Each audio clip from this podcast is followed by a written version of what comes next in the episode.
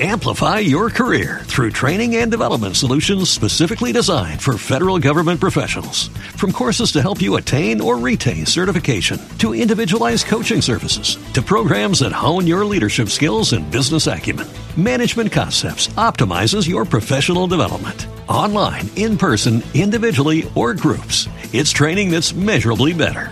Learn more at managementconcepts.com. That's managementconcepts.com. Hola, bona nit, són les 10 i 3 minuts. Comencem al Marca't un canyo.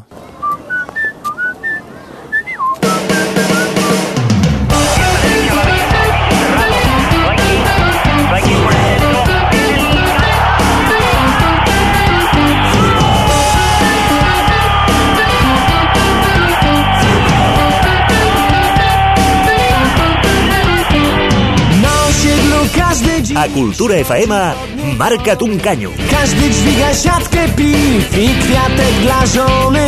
Kumple do... Participa al programa a través del Twitter a arroba marcatuncanyo o a facebook.com barra marcatuncanyo.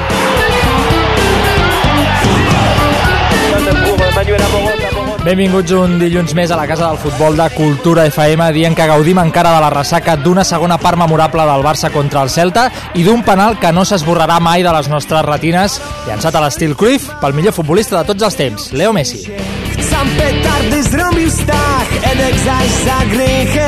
Już chłopaki schodzą się... Avui també viatjarem a la bonica ciutat de Londres amb el Marc Lladó en la seva secció de l'Scouter. Descobrirem a Dele Ali, jugador dels Spurs de Pochettino, que està cridat a ser una de les sensacions de la Premier en els propers anys.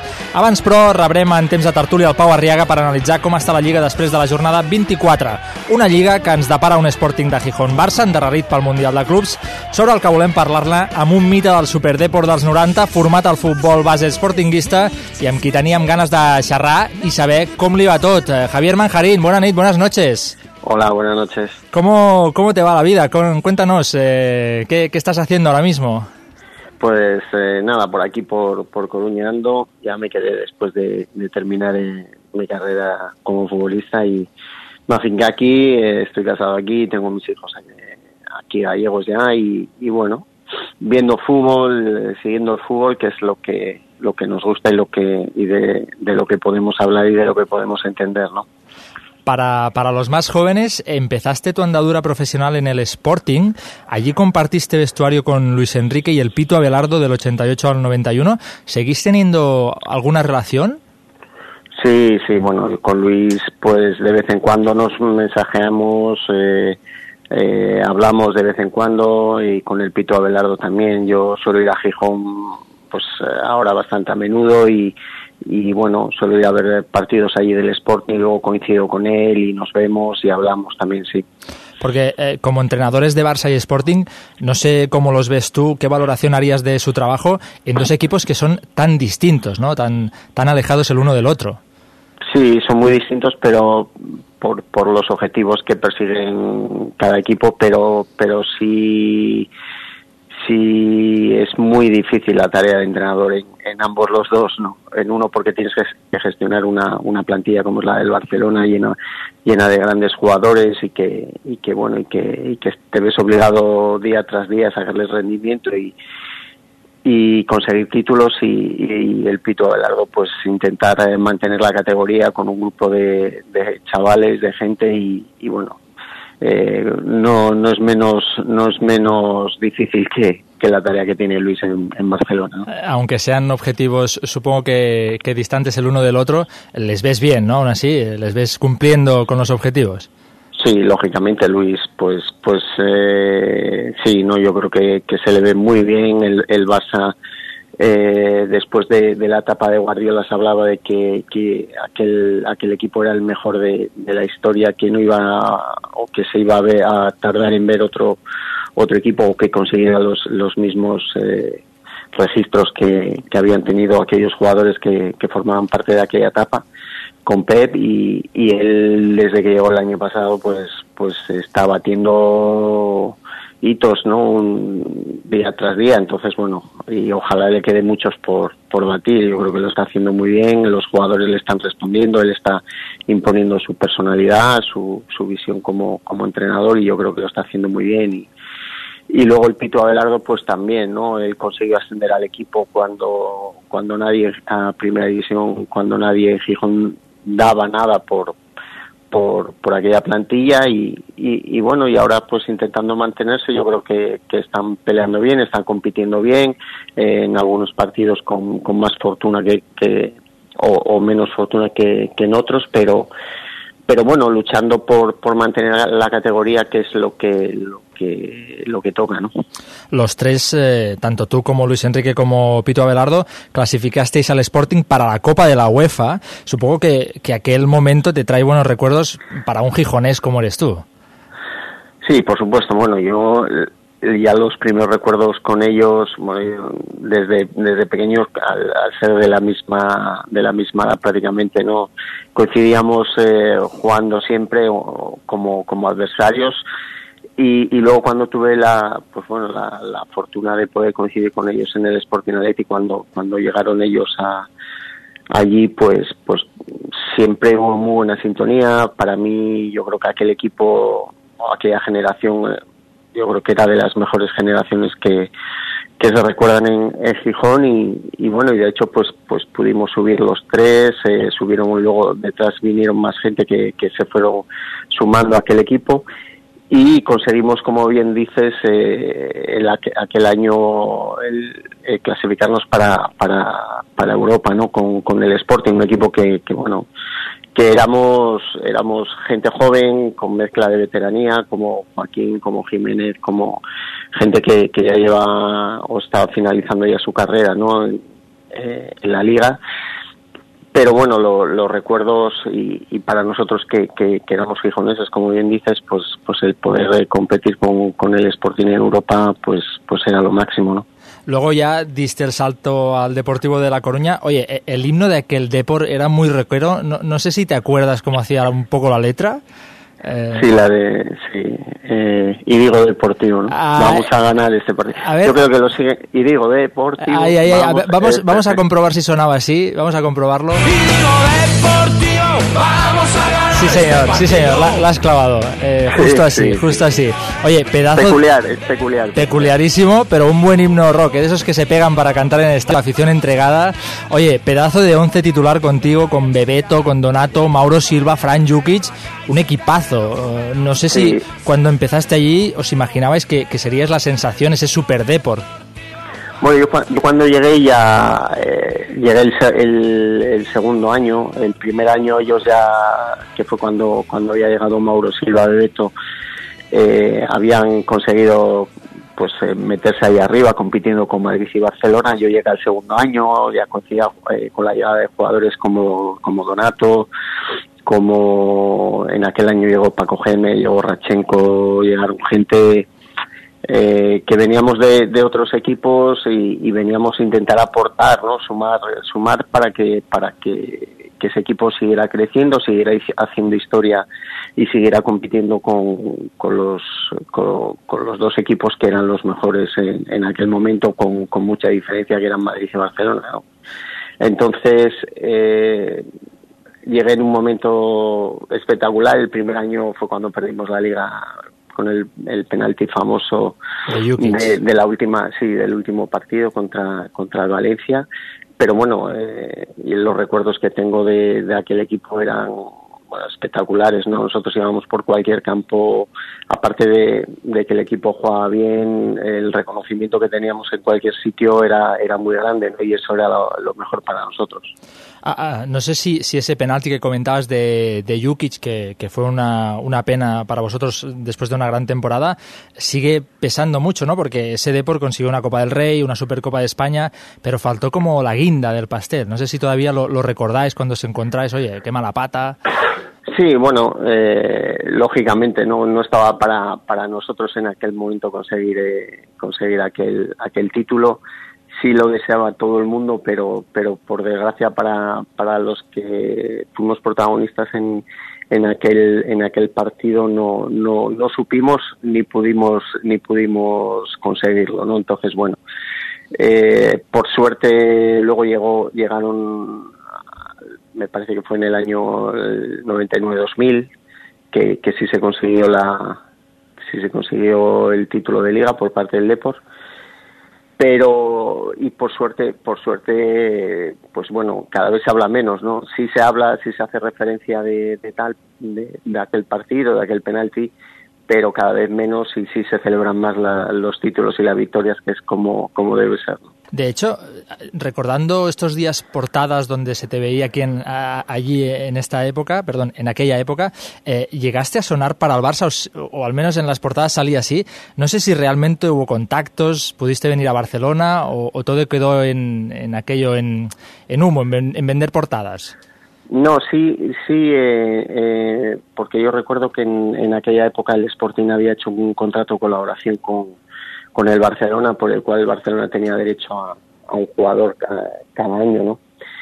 Eh, durante todo todo mi último año en Gijón, eh, o sea, la noticia o, lo que se hablaba era de que yo sí iba a ir a Barcelona, ¿no? De hecho, pues me acuerdo un programa que, que hacía Chiqui, que hacía Pep, eh, me hicieron una entrevista en televisión también y, y ya me, daban por hecho que, que, yo iba a llegar al Barça aquel año, ¿no? Lo que pasa que al final, al final, pues aquello no se concretó. Eh, el Barça me parece que en aquel momento se decantó por Iván Iglesias y, y yo, pues bueno, me vine al Depor. O sea que podrías haber sido tú el que metiera el quinto gol, ¿no? Iván Iglesias eh, metió un quinto gol contra el Madrid. Podríamos haber dicho que, que era Manjarín el autor de ese quinto gol recordado para la historia. Coincidiste con Pep en los Juegos del 92, eso sí, ¿no? Medalla de oro, si no recuerdo con mal. Pep, con, con Chapi Ferrer también con muchos jugadores del Barça luego coincidido en la selección también, pero bueno, de, aquella generación pues estaba Pep, estaba Chapi. Luego ya te hago las dos últimas y, te dejamos que vayas a descansar, pero eh, coincidiste también en el Deportivo dos temporadas con Yalmiña, eh, un tipo espectacular, un tipo brasileño de aquello de pies a la cabeza. No sé si ahora que Neymar se dedica también un poco a hacer ese tipo de juego preciosista, eh, las lambretas de la que tanto se queja todo el mundo que hace Neymar, mm, tú que has compartido vestuario con alguien que también lo hacía, si te parecen bien, si, si te parece que no deberían hacerse por respeto al rival, ¿cuál, cuál es tu opinión? Yo entiendo, yo entiendo a, los rivales, ¿no? Y entiendo que cuando un jugador está ahí, está, está sufriendo, porque la verdad que cuando te enfrentas a estos grandes jugadores eh, lo sufres, lo sufres no solo, no solo lo que te toca a ti, sino lo, que te eh, toca al equipo, correr y, y, demás, ¿no? Y cuando, y cuando hay este, este, estos grandes jugadores que tienen esta forma de, peculiar de jugar, como, como era como era Yalmiña, como era, no sé, te puedo decir, hacían cosas eh, Bebeto mismo, Rivaldo, eh, pues ahora mismo Neymar, eh, Ronaldinho en su, en su momento y tal, ¿no?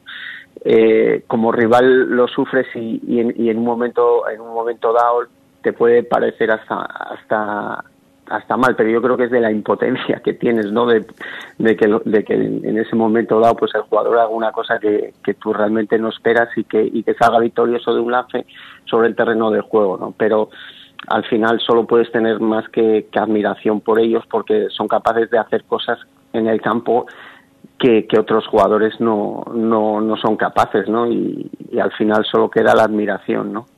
Y la última, y como te decía, ya te dejamos descansar. Eh, ¿Por quién apuestas el miércoles? ¿Por el Pitu o por Lucho? Hombre, eh, eh, para mí es complicado porque yo los considero dos, dos grandes amigos y, me gustaría que les fuera bien a, a los dos. Eh, pero bueno, yo, yo creo que el que más lo necesita ahora es el Pitu, entonces voy a decantarme un poco más por el Pitu, ¿no? A ver si... está bien, está bien.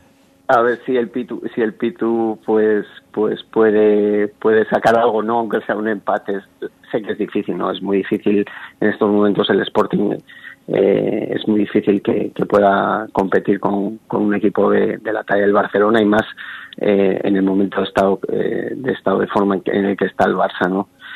Pero bueno, a ver si, si son capaces los chavales de, sacar esas ganas y ese orgullo asturiano y, le pueden hacer frente y, conseguir por lo menos un empate, ¿no? Nosotros aquí en Barcelona también queremos mucho al Pitu, fue, fue un grande aquí, es, es muy querido, pero oye, está igual que nos la deje a nosotros y, y las siguientes que las gane todas, apostaremos La por pena- el Pitu. Efectivamente, la pena es que esta jornada el Madrid y el Atlético de Madrid no hubieran perdido. Es- eh, ahí está, ahí está. Ya hubiera sido el remache a, todo. A todo. Eh, Javier Manjarín, un auténtico placer poder hablar con un mito del fútbol español de los 90. Gracias, muchísimas gracias por atendernos y suerte en todo lo que venga. Venga, muchas gracias a vosotros. Venga, un placer. Un placer.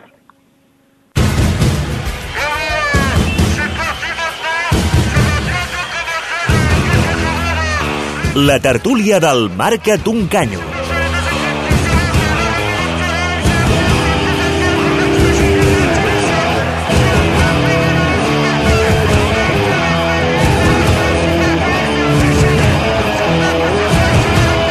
Si vols formar part del nostre debat, pots intervenir-hi a través del Twitter a arroba marcatuncanyo o a facebook.com barra marcatuncanyo.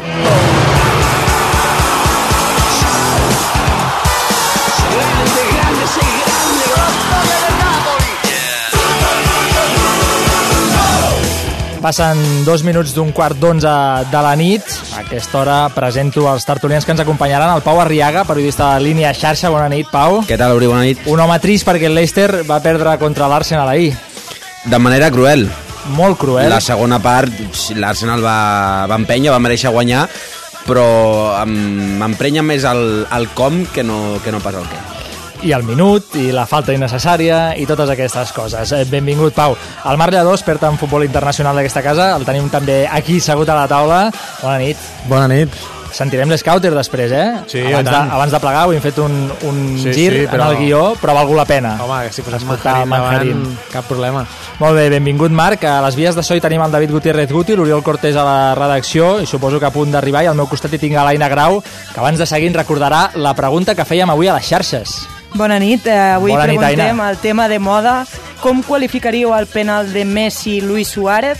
A Twitter, eh, arroba marcat un canyo, ens podeu fer arribar la vostra opinió marcant amb RT al tuit si creieu que és una meravella o amb un cor si creieu que és una provocació. La mateixa pregunta a facebook.com barra marcat un canyo. Perfecte, Aina, moltes gràcies. I ara sí, va, a la teca. Què us ha semblat aquesta conversa amb Manjarina? El recordàveu? L'heu tingut present mentre parlàvem amb ell? Marc, tu mateix. Sí, jo la veritat és que sabia que havia jugat a l'Sporting, però no, no el visualitzava com a jugador de l'Sporting, sinó el tenia més per un integrant del Superdeport, d'aquella selecció dels Olímpics, i, i de, bueno, d'haver jugat, d'haver participat amb la, amb la selecció espanyola.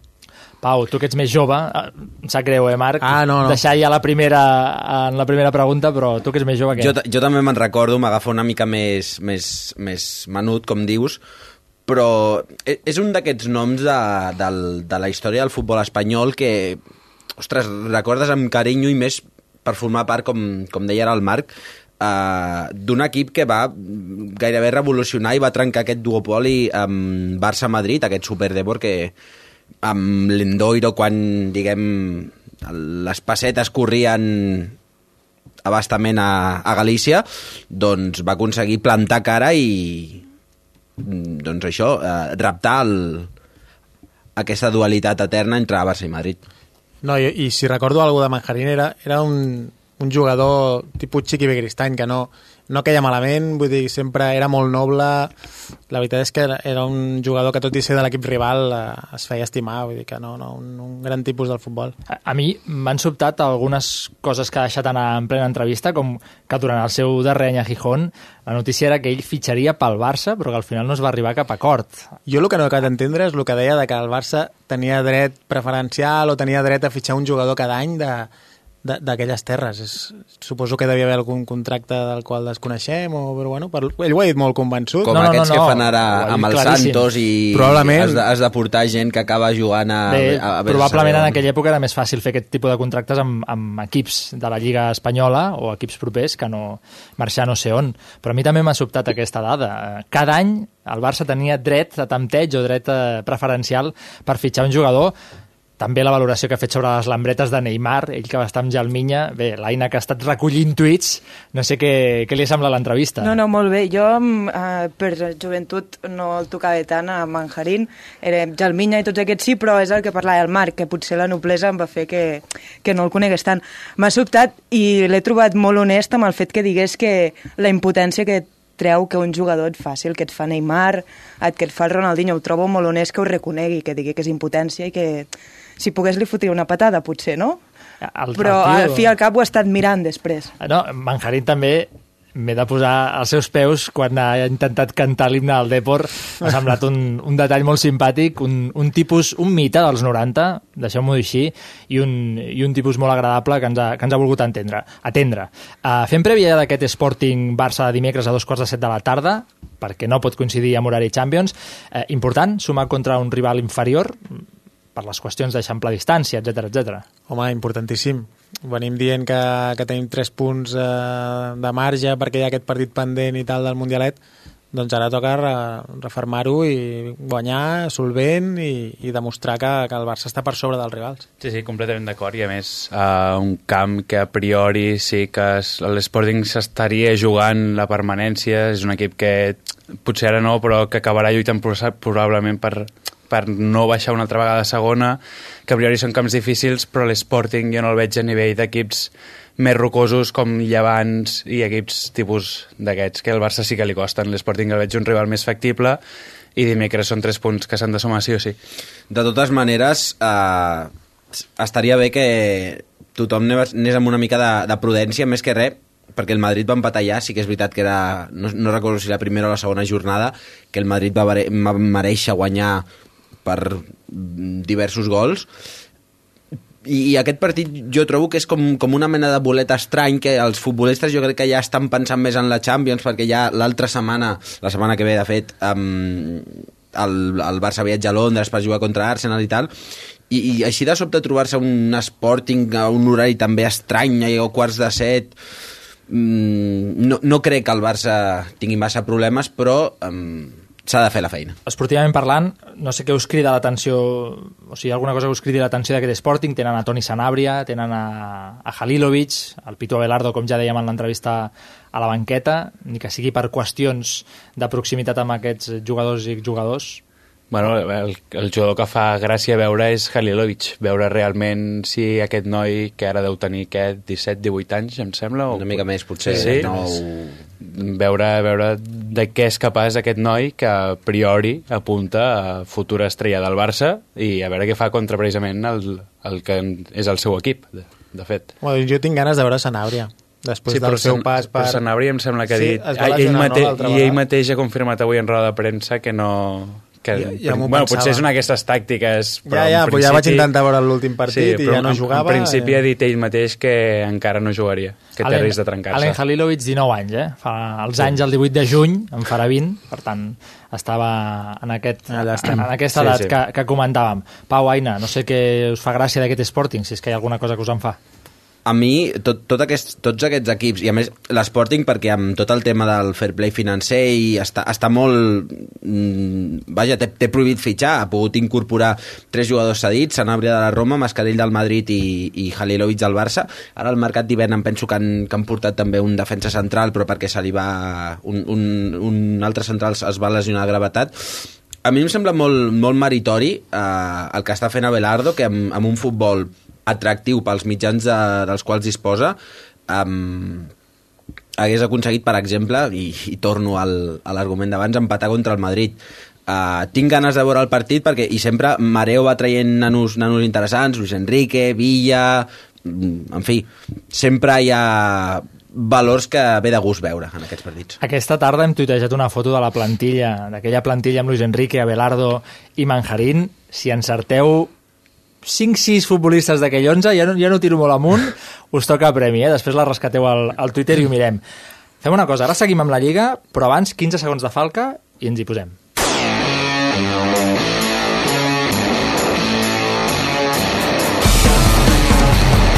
Esteu escoltant el Marca't un canyo, a Cultura FM. Lamento, ja em perdonareu, eh, aquí a la taula i a cases que ens esteu escoltant, lamento fer una cosa poc periodística que és tirar enrere eh, després de parlar d'un partit de futur immediat, però el que va passar ahir al Camp Nou gairebé m'hi obliga. Lambretes, croquetes, assistències de 30 metres, picadetes inversemblants i la ciradeta amb un penal que corifeja. I've got another confession to make. Johan Cruijff die strafkop nemen. Doet het op deze manier. Olsen, Cruijff, goal. 5 de desembre de 1982, Ajax Helmond. Cruyff, en lloc de xutar el penal, li passa a Jesper Olsen. Aquest li retorna i l'holandès posa de moda el penal indirecte. Yo siempre pensaba en, en- en cosas raras y, y este es uno de ellos. Y estuve en el Ajax y, y Jesper también era un zurdo extremo. También era un tío, gente inteligente, ¿no? Y entonces eh, eh, venía este penalti y habíamos estado un poco de cachondeo durante el entrenamiento esta semana. Entonces había penalti que venía, venía así, de- sin pensar, digo, no lo tiro, eh, lo tiro en dos. No, no, no lo hagas, no estás loco. Y digo, bueno, lo hago. Y este lógicamente estaba atento y todos lo hicimos. Y sorprendimos también al, al, al, al, árbitro, que tampoco lo he visto nunca. y Dice, pero este, este se puede hacer. Y digo, ¿por qué no se puede hacer? Dice, sí, sí, ¿por qué no se puede hacer? Entonces así era, pero era divertido. Ahir Leo Messi, després de trencar tots els rècords possibles al món del futbol, es va vestir de Cruyff al Camp Nou.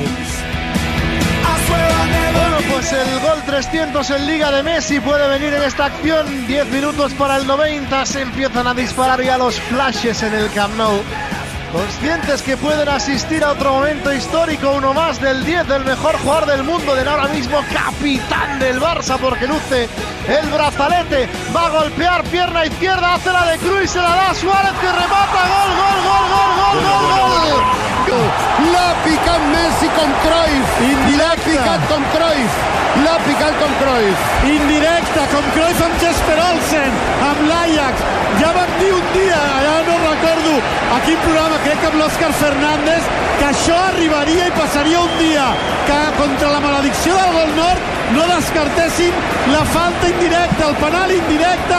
Messi toca per Luis Suárez, que ve de cara, i l'uruguaià l'acaba contra els problemes dels penals, solucions imaginatives.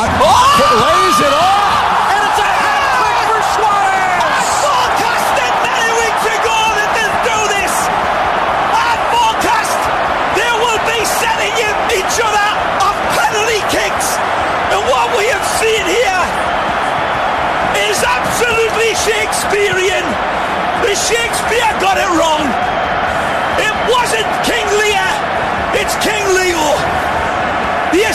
from the penalty kick El penal de Cruyff! El penal homenatge a Johan Cruyff!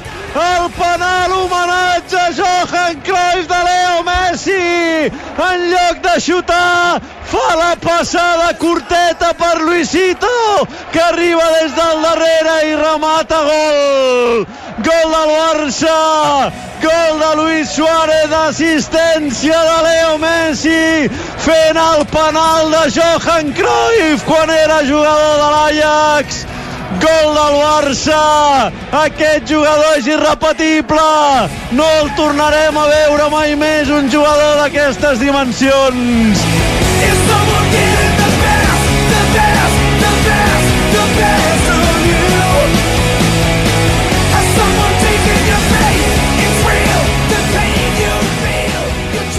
Es fa difícil destacar una sola cosa de la segona part d'ahir entre Barça i Celta.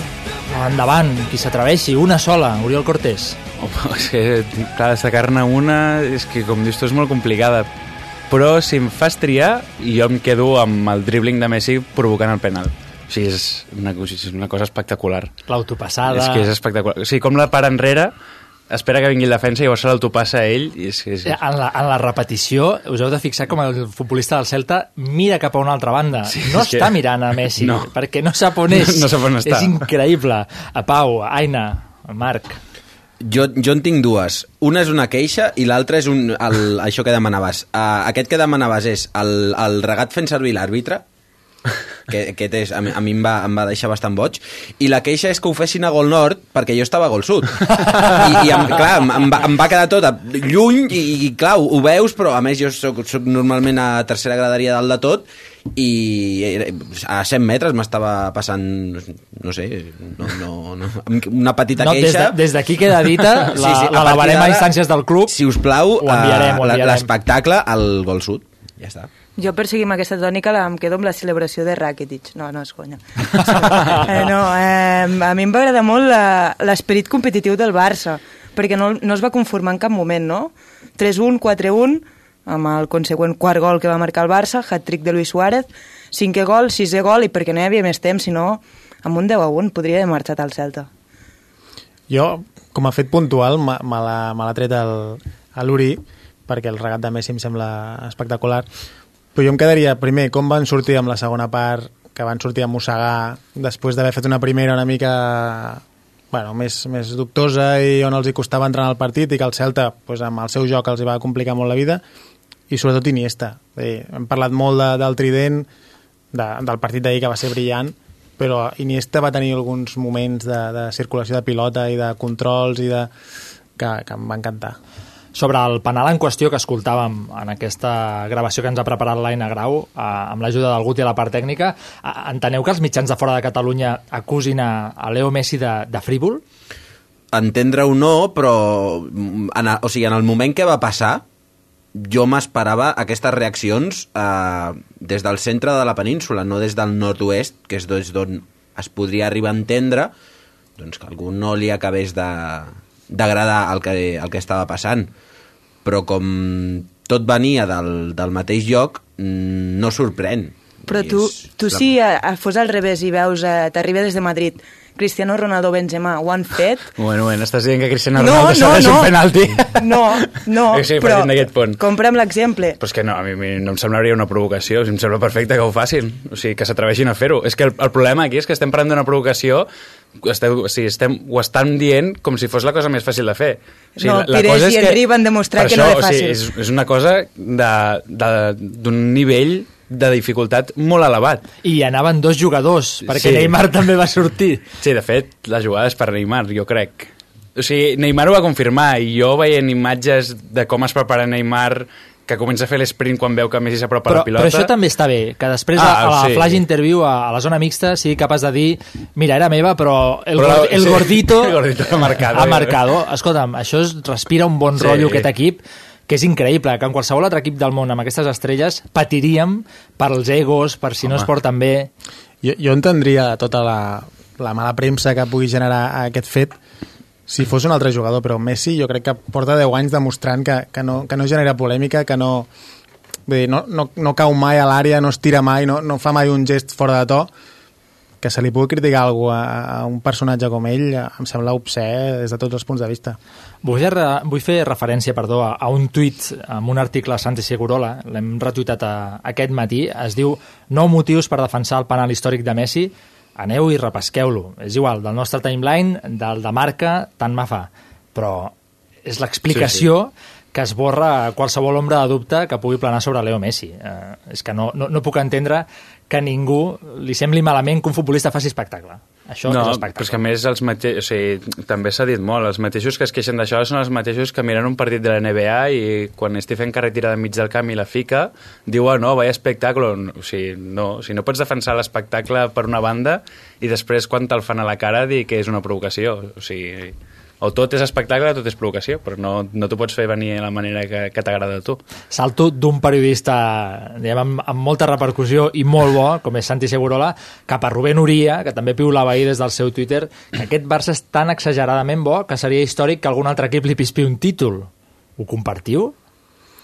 Home, a veure, històric robar-li un títol a aquest Barça tampoc seria. O sigui, no és que el Barça vagi sobre... O sigui, sí que és molt bo i, i portem setmanes dient que segurament té la millor tripleta atacant de la història, però això no treu que en moments puntuals en competicions com la Champions mm, no es tracta de ser el millor, es tracta de si tens un mal dia l'has cagat.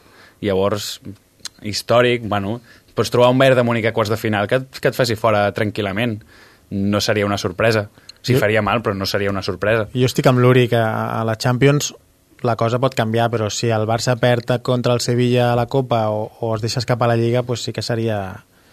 No, no ho catalogaria d'històric, però seria molt Bueno, decepcionant. Seria, seria una sorpresa, sí. Seria molt sorpresa. L'únic que la Champions sí que és veritat que si tens un mal dia contra un rival eh, pues de l'alçada del Barça o, o un esglaó per sota, doncs et poden, fer un, poden donar un susto perfectament. Sí, eh, si més no contrasta, perdona Pau que, que anaves a intervenir, amb aquest fet de que habitualment la Champions l'acaba guanyant un equip que pels voltants de desembre no apostaries, no? Normalment el gran favorit i malauradament pel Barça en aquest cas no, sé, no sol ser el que s'endú el títol però vaja, no sé si això aquestes supersticions us fan més, més nosa que una altra història No sóc gaire de, de supersticions ni, ni res d'això. També es diu que, aquí, que el Mundial de Clubs d'alguna manera et fa de baixar el rendiment eh, durant els mesos de gener i febrer. Durant el gener no ha estat així.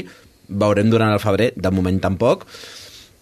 Però sí, en la línia del que deien el, el Marc i l'Uri, segurament la Champions és el, el títol que està més en risc, en, entre moltes cometes, per la qualitat dels rivals, perquè un mal partit et complica molt una tornada, perquè a un partit, si el Barça tornés a arribar a la final, um, és eh, la manera més fàcil de, de perdre un títol a un, a un sol partit, i per, per la resta, la final contra el Sevilla, doncs, que no creu, ja veurem on es juga, quan es juga.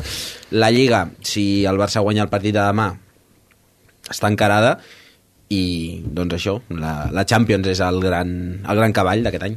Aprofitem que parleu tant de la Champions per anar-hi directament. Futbol i més futbol, al Marca't un canyo. Cada dilluns de 10 a 11 de la nit a Cultura FM. Perquè demà la millor competició de clubs d'Europa i probablement del món torna amb la ronda de, de vuitens de final. El Barça no juga fins la setmana següent, però vaja, vull preguntar-vos com, com la veieu, com veieu aquests emparellaments de, de demà amb el PSG-Chelsea, amb el Benfica-Zenit.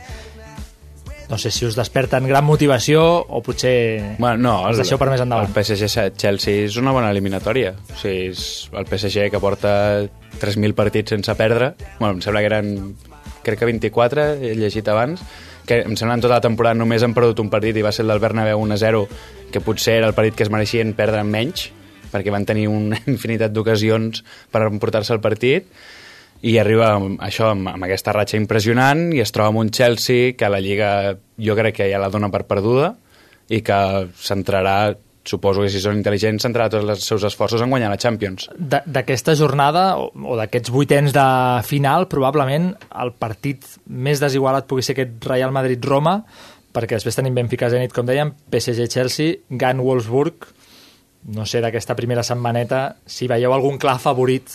Home, el, el Wolfsburg contra el Gant també hauria, a priori, és el clar favorit també. O sigui, és el Sí, que ho té més de cara. Tampoc està fent un gran any el Wolfsburg. O sigui que... No, sí, sí, però el Gant...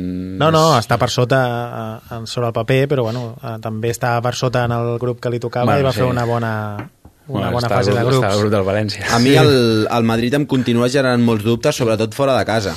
Mm, camp del Betis, sí que és veritat que la segona part, per empenta i tal, va mereixer guanyar, però mm, es trobarà un rival amb jugadors de més nivell del que habitualment sol tenir i no, no hi és Bale, Marcelo ha entrat a la llista però mm, com si jo hagués de fer-lo jugar aniria, aniria amb prudència um, i després, vaja comentaven la millora aquesta el, el, el Madrid era il·lusió amb Zidane al capdavant.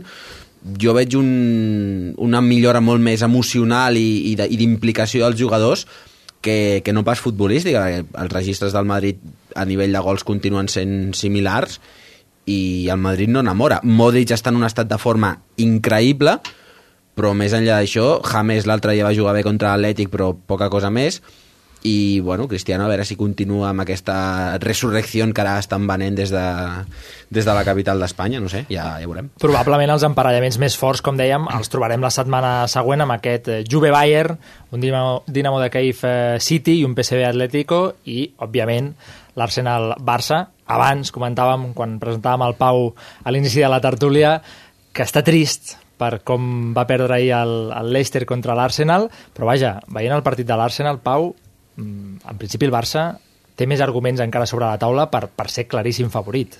Sí, i tant de bo l'eliminatòria pogués, pogués quedar resolta al, a l'Emirates. Mm, No serà fàcil perquè, evidentment, l'Arsenal jugant a casa no, no voldrà... Vaja, no, no farà el joc que, que habitualment fa la Premier, sinó que veurem la versió aquesta de Champions de, fa, de fase de grups, no, de- d'eliminatòries de, de Wenger, que és més conservador, és més sortint a la contra, segurament amb, amb doble pivot i dos, i dos jugadors eh, de banda ràpids, i buscar pilotes a Giroud i aprofitar també el, les pilotes aturades, que és un dels grans punts forts de l'Arsenal, amb Mertesacker, amb Koscielny, amb, amb el mateix Giroud, i a veure si, si sona la flauta, per dir-ho d'alguna manera. Home, a priori el Barça sí que és clar favorit eh, en aquesta eliminatòria sense cap mena de dubte. L'únic que em genera potser una mica de, de no tenir el 100% clar que el Barça passa és que l'Arsenal on ha millorat molt és a la porteria. Sigui, ha passat de tenir Chesney a tenir un porter com Peter Cech. Té un porter ara, podríem sí, dir-ho així. I no té un porter qualsevol, té un porteràs. O sigui, està segurament en els seus últims anys de carrera, però... Hòstia, L'aturada que fa ahir en la primera rematada, crec que és de cap del, del Leicester, és un escàndol. Una aturada que va a terra, és- no sé si és és- Okazaki qui remata o Bardi. No no, no ho recordo, encara em dura la- l'anuig aquest pel, pel gol de Welbeck i la falta de prèvia de Vasilewski que jo crec que avui li, li deuen haver tirat uns quants tomàquets pels carrers de, de Leicester.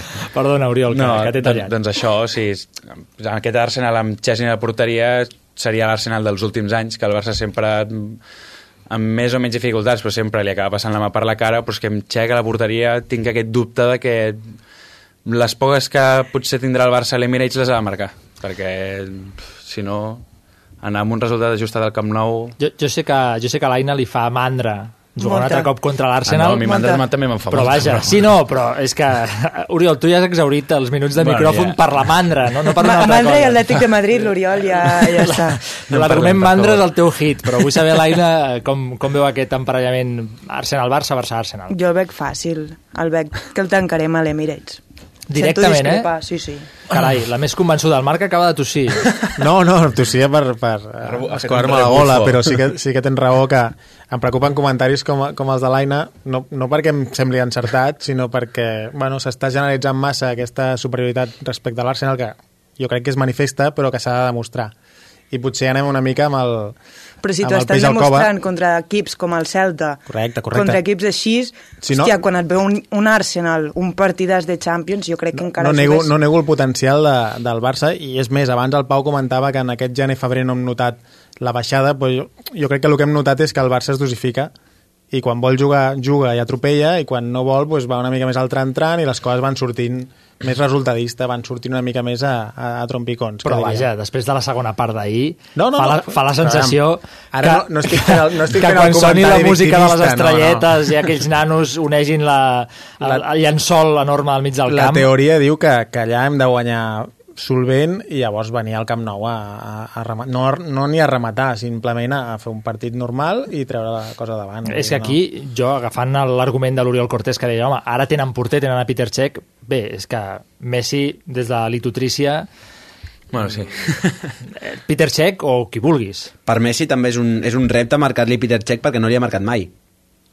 Sí, i, a, fet- i Angla, fet- i Anglaterra crec que tampoc ha marcat mai. Sí, al final, jo va, diria- al final va marcar. Al final va Anglaterra. marcar, sí? Sí, jo crec que sí. Bueno, i després la- l'altra cosa és que deies que, que ara l'Arsenal té Czech i No, Chesney- Anglaterra i, Chesney contra no. equips anglesos, segur. La Sí, final sí. de Wembley contra el United. United de cap al Bueno, 2-0. sí. Dèiem que Chesney ja no està a l'Arsenal, però em sembla que està a la Roma, no? Sí. Vull dir que una pilota calenta a un altre Sí, lloc, sí, no? de fet en el Madrid no hi heu entrat gaire, suposo que és que el veieu molt superior a aquesta Roma. Sí, el, Cortés Pau, ens ho deia el, el Pau setmana passada. comentava el partit de l'Olímpic de Roma sí que se li pot atravessar, però és que el partit del Bernabéu el veig tan clar pel Madrid. O sigui, que ni un empat a 0 de la Roma o una victòria 1 a 0 de la Roma em faria pensar, mira, el Madrid pot quedar fora. No, és que no. Sí, la veritat és que l'arribada d'Espalidi tampoc ha, ha generat un, un torrent de, de, de gran futbol ni res, simplement ha fet... No és la Roma de la il·lusió, com el Madrid. No, no, no, o almenys no ens ho han no hi ha hagut, aqu- així. no hi ha hagut No. aqu aquesta revifada i aquesta a mi cosa. l'única, la, la presència del Xaraui em dona aquell punt de... de bueno, mira que... Però el Xaraui, una mica eterna promesa, que dirien els Sí, castellans. sí, sí, però bueno, ha jugat 3 o 4 partits i ha fet un parell de golets i bueno, està entrant amb, amb certa solvència. A veure si li dura tant com el pentinat. En Sí. tot cas, uh, nois, deixarem la tertúlia aquí, però no marxeu, eh, que el Marc Lledó, aquest noi que sentiu ara mateix, arriba amb l'Scouter, no us ho perdeu. L'Scooter, amb Marc Lledó.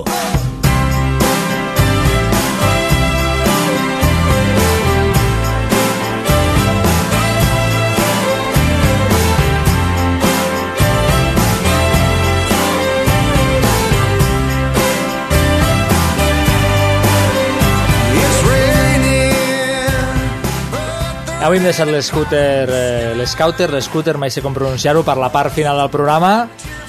I descobrirem a un futbolista, no sé si emergent, una jove promesa del Tottenham Hotspur. Sí, sí, bé, sí. Eh? Ojo, com has dit, Tottenham? Eh? A Tottenham. Tottenham. Sembles el comentarista d'ahir del Canal Plus Liga que s'entestava en fer aquest accent de per un dia que he intentat pronunciar-ho com tocaria i ja us No, l'esteu no. cartant. eh. Sí, m'ha fet molta gràcia. Em sembla Sí. increïble. A lo Cria- Sixto Rodríguez. Ai, Cria Sixto- cuervos. Sixto Miguel, Sixto o- Miguel que, és, que és, tra- és tremendo aquest. És que, mira, ara vaig explicar una intimitat, però amb el Pau vam estar mirant el partit ahir, jo crec que se'n va enganxar alguna cosa.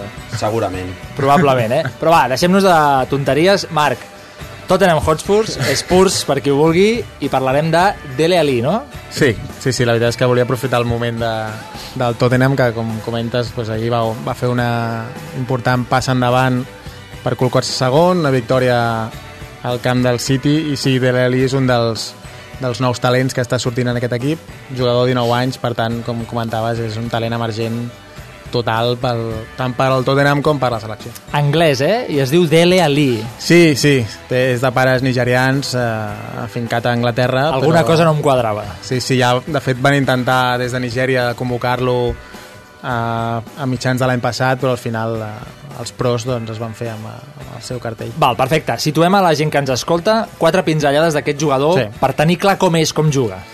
Bueno, és un, és un migcampista, juga pel centre, també pot caure a l'esquerra. Ara està jugant molt de mitja punta amb aquesta línia de 3 amb, amb, amb Eriksen i la Mela per l'esquerra o, o el coreà que està entrant també de, de tant en tant. És un jugador molt alt, 1,88 m amb un físic bastant, bastant espigat, bastant primet. Suposo que també ho fa la seva joventut encara, encara de guanyar massa muscular. Un jugador molt àgil, molt ràpid aquesta, aquesta ascendència nigeriana doncs, li, li aporta una musculatura i una força i una potència de cames bastant important i és un jugador que mescla bastant bé la capacitat ofensiva, té una arribada molt, molt interessant a porteria i un bon xut de mitja distància amb una despesa física a nivell defensiu molt interessant. Per, per entendre'ns, sent tan alt jugant al mig del camp però amb, amb tendència a arribar, parlaríem d'un tipus Torella ja però més prim, diguem? Un tipus Pogba, sí, Pogba? sí m'apures. Sí, sí, Correcte. un tipus Pogba, o sigui, aquest jugador així molt, molt físic, molt ràpid, molt àgil amb la pilota als peus, potser té menys tècnica individual que, que Pogba, perquè amb la pilota no, no, no és cap... Eh, bueno, no és cap, no, no, no podria ser un jugador del Barça, seria més un perfil Kate amb la pilota, vull dir, bueno, eh, sap desenvolupar, però sobretot es basa en, la, en aquella arribada de segona línia, entrant per darrere de Harry Kane, aquell xut eh, de mitja distància, rematades fortes, col·locades, no destaca per la tècnica, però sí per la física. És un jugador molt potent i va molt bé a terra, va molt bé al tall, eh, fa que, que el mig del camp del, del Tottenham sigui, sigui molt potent. El Pau Arriaga, com comentava abans, és un, és un fidel seguidor de la Premier League. No sé si, si Dele Alli apunta tantes maneres com ens està descrivint el Marc. Eh, com, com ho veus tu, això? Tant de bo i, i més per, per una selecció anglesa um, necessitada de, de renovació perquè sempre, quan arriba als campionats, perquè no, no sempre arriba, um, últimament anaven molt amb la vella guàrdia, amb Gerrards, Lampards, Terris, etc. I ara sembla doncs, que està arribant una nova generació i ell doncs, és la figura aquesta emergent, com, com diu el Marc, pel, pel mig del camp, eh, en una Premier mm, que és eh, la, importadora per excel·lència de talent forani doncs és, un, és una, una petita flor enmig de doncs això, un, un oceà de, de talent estranger Vaja, I... que no durarà gaire els Spurs. Mm, si el... Els dos heu fet una cara, la gent no us veu a casa, però... No, home, tot depèn del, del desenvolupament que té aquests Spurs. Vull dir, ara estan segons, vull dir, si la cosa rutlla i, i poden treure diners de cara a reforçar-se l'any que ve, doncs amb Harry Kane, amb, amb Dele Alli i, i altres fitxatges i jugadors bons que tenen, per què no? Podria quedar-se un temps allà. Un Dele Alli que abans em comentaves que du força gols per la posició on juga. Porta 7 gols, 5 assistències, bueno, ja et dic, ara està jugant de mitja punta, l'únic que la majoria de gols del, de l'equip els fa Harry Kane, però, però sí que entrant des de segona línia, com comentem, doncs, doncs té molta arribada i, i bueno, fa un gran número de gols. Comparteix mig del camp amb Eriksen, amb el, Benga, amb el belga perdó, Dembélé, déu nhi Sí, no, no, la molt veritat bon és que... mig del camp. Molt bon mig del camp, i, i com comentàvem abans hi ha la Mela, hi ha el, el coreà ex del Bayern, el Heung Song Min o... Min-son. Sí, això. Pa, perdó, Pa- pod pa- podríem, podríem repetir-ho No, perquè després asiàtics, el us queixeu el que del meu. Tottenham. Eh? Eh, gràcies, Pau, per la traducció. El Pau ha estudiat coreà tota la vida. Sí. En tot cas, amb les prestacions que té aquest noi, internacional, suposo ja. Sí, sí, ja ho hem comentat que, que ja entren els plans de Roy Hodgson, ja ha jugat quatre partits, ha fet un gol, no sé si jo el vaig veure en directe i la veritat és que em va impressionar, el partit de Wembley contra França, va fer un xut creuat de fora l'àrea espectacular. I com comentava el Pau, doncs una de les poques bones notícies a nivell de talent eh, jove que, té, que tenen els pros, juntament amb Ross Barkley o, o, la, o Sterling del City, doncs, bueno, conformen aquesta nova generació que pugui fer oblidar els noms de Gerard Lampard i companyia. Segurament el, el Tottenham, com deia ara el, el Marc, és l'equip que més hauria de seguir uh, Roy Hodgson perquè el lateral dret, um, Walker, Kyle Walker, el lateral esquerre, Danny Rose, uh, Eric, eh, Eric, tant Eric Dyer com, com, com Dele Alli i, i, i Harry Kane. Són cinc futbolistes que perfectament poden ser, poden ser titulars a, a la- a l'Eurocopa del- de l'estiu que ve. Sí, sí, estic molt d'acord amb el Pau i a més pugen altres noms com Mason, Trippier o, o Carroll que la veritat és que està apostant molt pel producte interior i també per la gent jove, ja coneixem Pochettino de la seva etapa al Southampton o, o, o a l'Espanyol que no té problemes per apostar pels joves i ho està fent també aquí a West Herling. Ja que poses aquest nom sobre la taula, el de Pochettino, quines són les, les claus que destacaries del bon moment dels Spurs, que van segons a la Premier League? No està Sí, malament. sí, la veritat és que jo destacaria, suposo, el, el, el sentiment d'equip que, que ha generat en, en el Tottenham, vull dir, un equip molt, molt sacrificat, amb molta despesa física a l'hora de recuperar la pilota, tot, tots en, en un bloc, algo que ja havia aconseguit en els altres equips. Porta un equip, eh, una plantilla on sí que hem comentat que hi havia altres joves que anaven entrant, però l'estructura base de l'equip porta ja uns quants anys jugant junts, per tant han aconseguit ja uns automatismes i una manera de jugar molt, molt sòlida i sobretot doncs, amb aquest 4-2-3-1 doncs, la, el dinamisme de les mitges puntes Harry Kane davant doncs, que, que s'ho fabrica ell sol després el doble pivot molt sòlid i, i molt, amb molt rigor tàctic i la profunditat dels laterals que comentava abans el Pau amb, amb Walker i, i Rose doncs, té dos punyals per la banda que, que acaben apujant a, al joc ofensiu de l'equip. La parella central segurament eh, podria ser la de la titular de la selecció belga amb el Mhm. permís de, de Vincent Kompany que està, estava lesionat no sé, no sé ben va bé. jugar, va jugar ahir va jugar ja ahir contra, precisament contra el, Sí. contra el Tottenham um, el, Alderweireld i, i Jan Vertonghen. Vertonghen uh, Alderweireld que després d'aquesta experiència dolenta amb l'Atlético de Madrid semblava que el futur no se sabia ben bé si, si tornaria a ser un jugador de, de primera línia aprofitable per un bon equip i s'han consolidat tots dos al, a l'eix de la defensa i, i Facio que van fitxar fa un parell d'anys estava inèdit o sigui, l'han tornat, de fet, de fet ha tornat al de fet, Sevilla l'han tornat sí, al sí. Sevilla déu nhi una Bèlgica que ve molt de gust veure també a l'Eurocopa, Molt, molt, molt, molt. sobretot a veure si d'una vegada per totes es, es consolida, es confirma, perquè el Mundial ens va deixar una mica, no? Una mica Sí, amb sí, va ser una mica o potser no va arribar a l'expectativa, no? Gatillazo, sí. Ara, ara, ara ho ha dit, eh? Ell ha fet servir més el símil, ho puc dir aquesta hora de la nit? Oh, Més, més sexual. Perfecte. Marc, gràcies per aquest Scouter. Una vegada més. T'esperem el mes que ve amb l'Scouter. Segurament tornaràs a la tertúlia abans, Cap però problema. ja tinc ganes de, de sentir-ho. Els de casa no us mogueu, eh? que anem amb els tuits, amb els Facebooks i acomiadar el programa.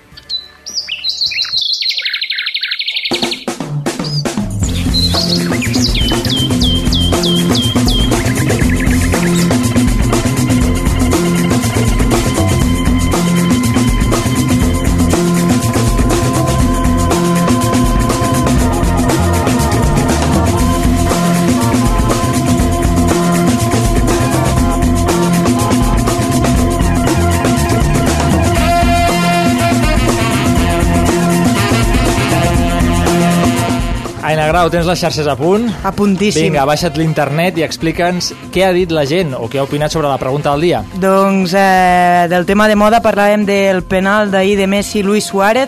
Us demanàvem com el qualificaríeu, si creieu que és una meravella o una provocació. I, I ha què, guanyat què, de carrer, de carrer com el Barça ahir, la meravella que van fer Lu- Luis Suárez i Leo Hi, Messi. hi ha algun vot per la provocació? No. Ah, ah vale, anem a dir, perquè...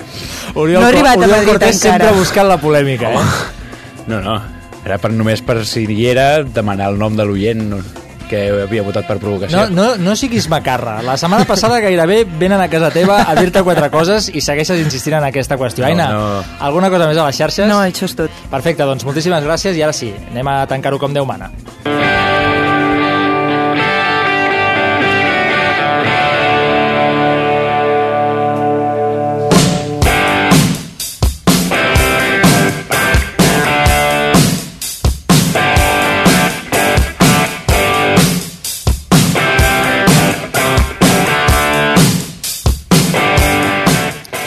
queda una mica menys de 3 minutets per arribar a les 11 de la nit. Com deia, com deia el senyor Bax, mare Déu, com tinc avui la boca, eh? Com deia el senyor Bax, tanquem la paradeta i us esperem la setmana que ve, el dilluns 22 de febrer, a les 10 de la nit, gràcies a la redacció del programa, a l'Oriol Cortés, a l'Aina Grau, al Guti a la part tècnica i, com no, gràcies a aquests dos megatartulians, els estic fent aquell símbol de les manetes que hi ha als emoticonos. Pensava que m'estaves fent el símbol de sí, no del Pedrerol, eh? Has juntat així les mans d'una manera perillosa i, i dic, no, no ho entenia. No, no, Así no, así També, també podria ser así no, Arriaga, así no. Has quedado retratado. Sí. En fi, que ens hi posem la setmana que ve, com us deia, i els de casa, que tingueu una bona setmana, un millor cap de setmana i que el futbol us acompanyi. Swing